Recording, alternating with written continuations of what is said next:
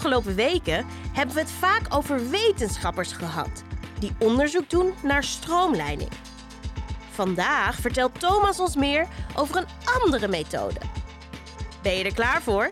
We beginnen bovenaan met tandenpoetsen. 3, 2, 1, poetsen maar! Thomas, dat testen van gestroomlijnde voertuigen wordt vaak gedaan in windtunnels. Maar dat hoeft niet, toch? Dat klopt.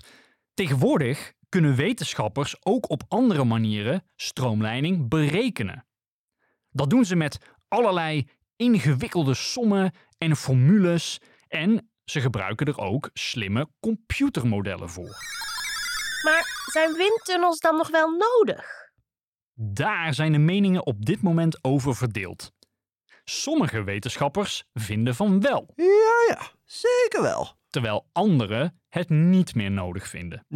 Nee hoor, niet nodig. Het staat in ieder geval vast dat computermodellen in de toekomst windtunnels zullen gaan vervangen.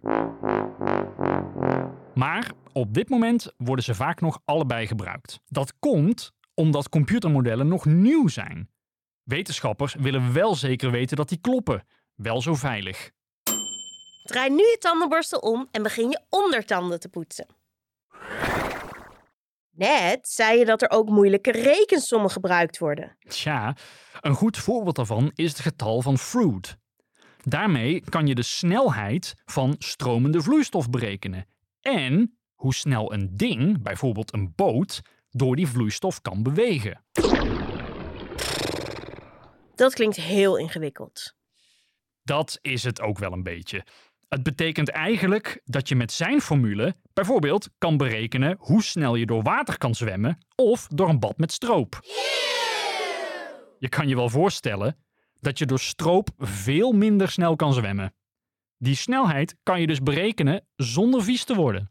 Oeh, ik heb nu helemaal zin in een pannenkoek gekregen. Maar ik snap wat je bedoelt. Grappig dat er zoveel komt kijken bij het onderzoeken van gestroomlijnde objecten, zeg. Dat was het voor vandaag. Spuug je tandpasta uit en spoel goed je mond.